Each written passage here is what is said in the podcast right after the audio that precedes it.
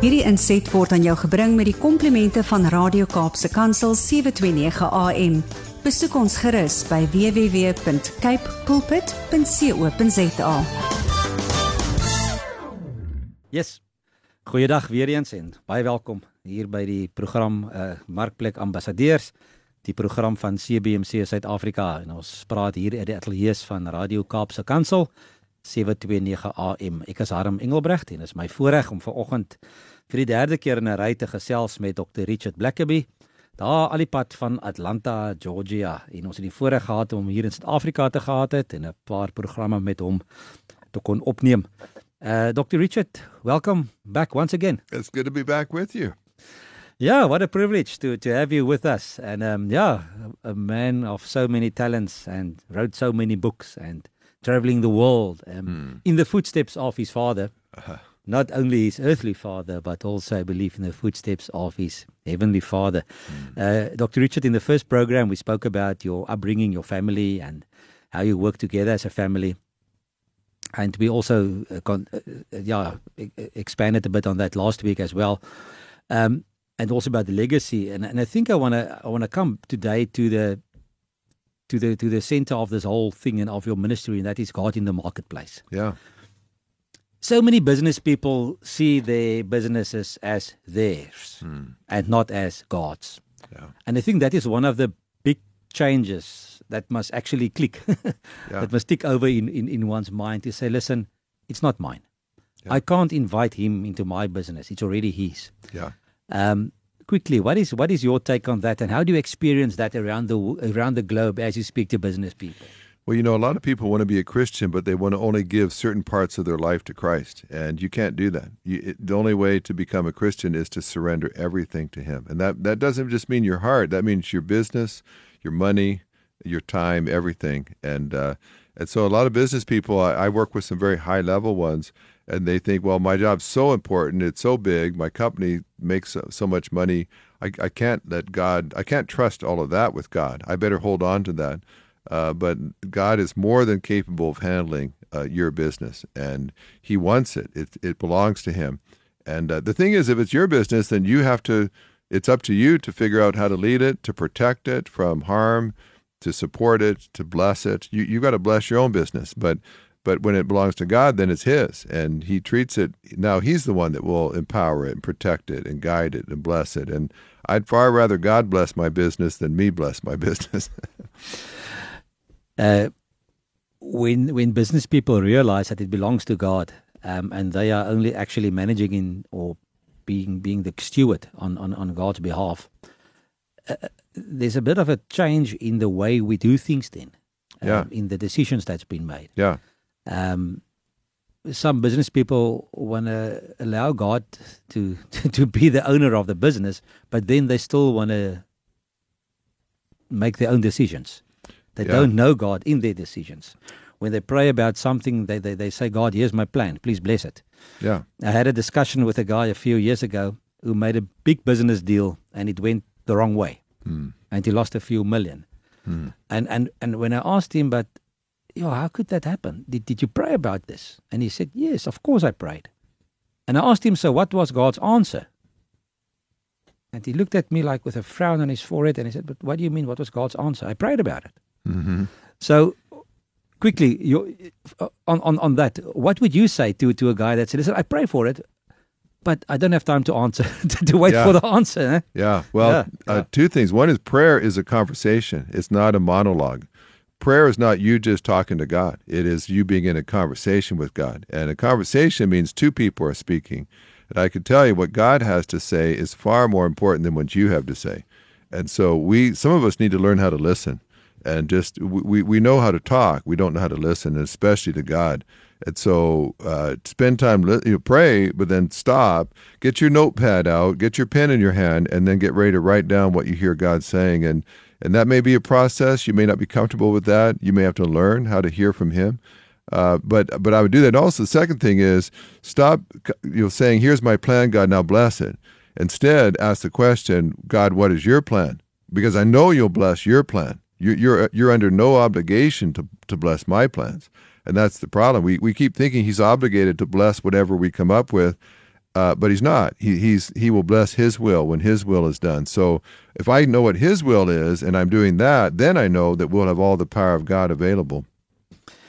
In the beginning, when we started this program, you, you said that um, people want to accept Christ, but they don't want to surrender fully. They want to yeah. they, they want to they want to keep some some parts back, especially their business. Hmm. And um, a verse that we use oh, so many times in this program is uh, Proverbs 3, verse 5 and 6. Yeah, yeah. Lean on, trust in, and be confident in the Lord with mm. all your heart and mind, and do not rely on your own understanding and your own insight. Mm. In all your ways, know and recognize and acknowledge Him, and He will direct and make straight and plain your paths. Be not wise in your own eyes, but fear and worship the Lord and turn away from evil. Mm. How relevant and true is that after so many years. Yeah. I mean, this was written at least three thousand years ago. Yeah. By by by um, yeah, most and, probably by Solomon. And, and and how important is, is these words still today in business? Well, you know, anyone who's just led through COVID and through all the different complications of society today knows that there's you, we don't have enough understanding. We don't have enough wisdom to know how to. We don't know the future. We don't know how the economy is going to go. We don't know when the next pandemic might strike. And so we're so limited in what we can do. And in, in, in, prosperous times, when it seems easy to make money and do business, you sometimes can almost be fooled into thinking that we're smart enough uh, to do that. But as soon as a crisis comes, we realize we're, we're only one crisis away from ruin. Uh, we, we, we're desperate to just lean into God's understanding and to trust Him and His guidance. And, and of course, our, our primary calling is not to make money, it's to glorify God. And so that means we to glorify God to the maximum uh, then we've got to do it His way. Um, because doing, you're not going to honor God by doing God's work the world's way. You have to do it God's way, and for that, you've got to let Him show you how. So, so how do you honor God and be His ambassador in your business? Well, I think one of the best ways is to to behave like Jesus. And so, if you're acting like Jesus, you'll you'll honor God. And so, when it comes to a perhaps a, an employee that is underperforming, you can shout at them, you can humiliate them, you can just fire them, um, or you can ask like Jesus. And sometimes the way you treat cust, or you can lie to a customer to, in order to make a sale. Uh, and you made the sale, you made a profit, but you didn't honor Christ, and you you, you didn't act like Christ. And so, I would say uh, the best way I know to honor Christ and, and God is uh, behave like Jesus, and and we don't naturally do that. That doesn't come naturally. We were not. The world does not encourage us to act like Jesus, and so uh, that's something you have to learn. That as a disciple of Jesus, you have to learn how to behave like Him. You, you mentioned the word disciple, and and and sometimes that word doesn't um, resonate so well yeah. with Christians. Yeah, it's easy to to say you're a Christian if you speak yeah. to somebody. Yeah. But the moment you ask him, but are you a disciple of Christ? Then yeah. they start bubbling around and yeah. don't don't have words. But there's a difference. Oh, for sure. Well, you know, when Jesus came to the the first disciples, uh, he didn't ask them to believe. He didn't stop by Peter and, and Andrew's boat and say, "Believe in me." Uh, he didn't say, "Start attending church." He didn't say, "Attend a Bible study." He said, "Follow me." And there's all kinds of people who think they're a Christian because they go to church or they may say, I believe in God, but they don't do anything God tells them to do. Mm. They don't mm. go anywhere God tells them to go. Mm. They, my, the way my father used to describe it was, uh, we, we want to go with Jesus, but we don't want to get out of our boat. We want to stay in our fishing boat and call ourselves a follower of Jesus. He's walked on down the Sea of Galilee. We're still sitting in our boat, and we want to think we're a disciple you're you're not a disciple unless you're following Jesus. And so someone comes and tells me they're a disciple, I'm going to ask, well, where is Jesus taking you right now? What is he doing in your life right now? Oh, I don't think he's doing anything, but I go to church every week. Well, you're not a disciple. Jesus is not he doesn't want to just lead you to church every week. He wants to lead you all through the week while you're in your your workplace. And we also know that Jesus never called his followers Christians. Yeah, yeah and uh, we we just kind of like, well, I was baptized into the church. I, have been in the church since I was a child. Uh, I believe in God. None of that is uh, what makes a disciple. The importance of of of, of discipling and, and being discipled, and to disciple someone else. Yeah.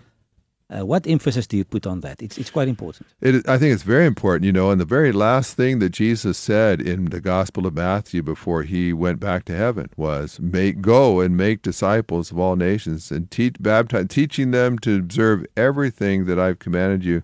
So what? So the last thing he said was make disciples, and and I, I've challenged a lot of pastors, especially uh, after COVID, to say, you know what? We've been making a lot of church attenders. We've not been making disciples, and if they were disciples, they wouldn't have quit coming to church after COVID. Uh, they wouldn't complain about every little thing that they're obligated mm. to do as a Christian.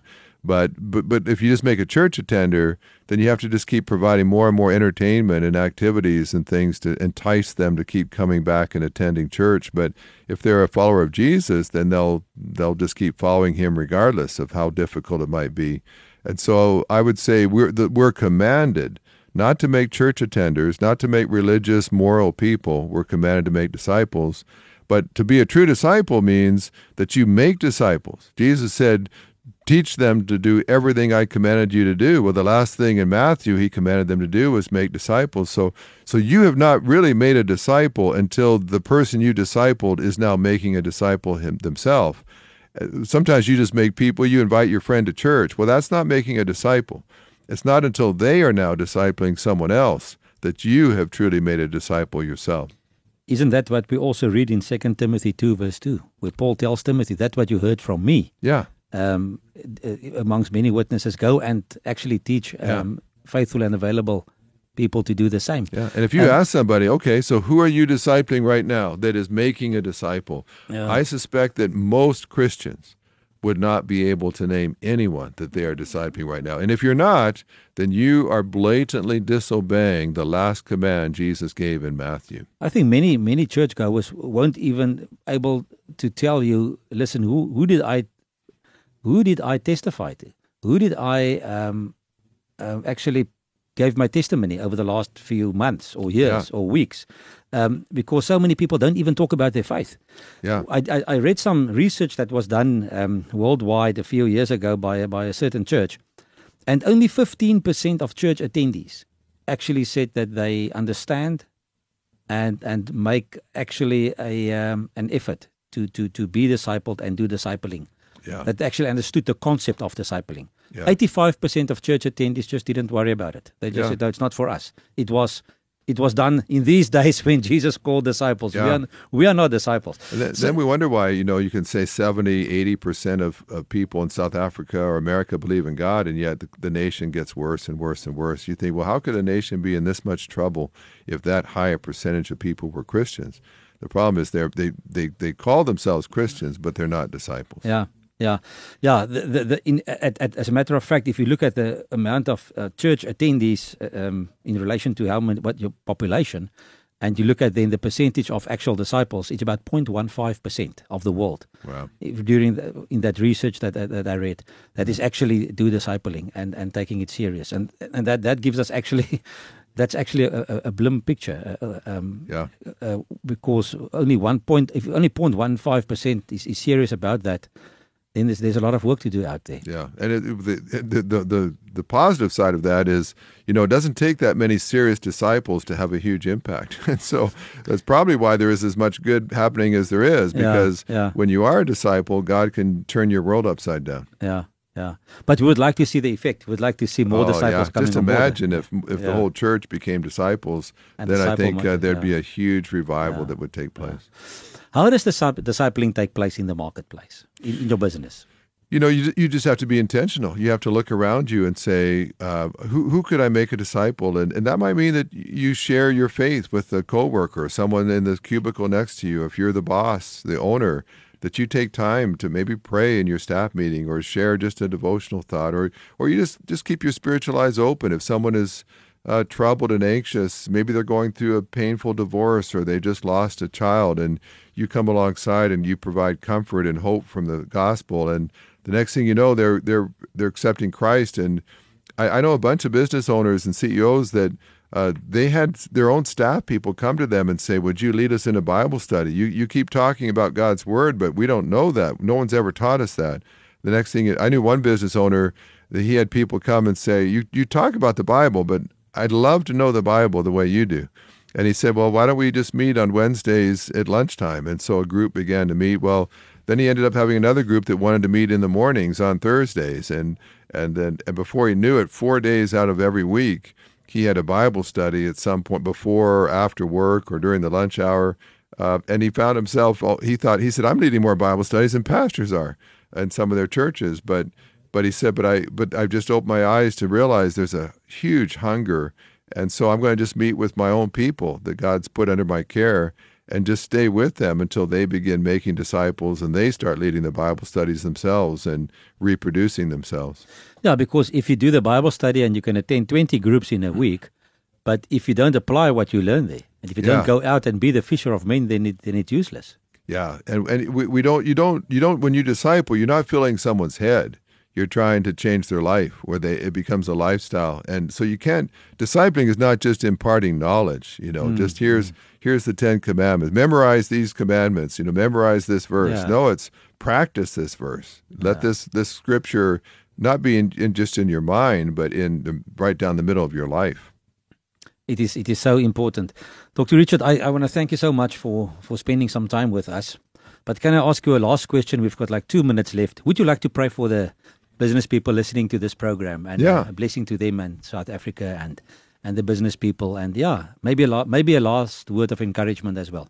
Yeah you know i've i've always felt like we are called to be light and so a lot of people say this is such a hard time to be a christian. It's such a hard time to do, be a christian business person but but i would say but but, but what better time to be light than when everything around you is dark? Mm. and in a dark time if you're called to be light, this is the best time, the best mm. time to live, the best time to serve. So let me just pray for your listeners that they would be all the light that God mm. intends for them to be. Mm.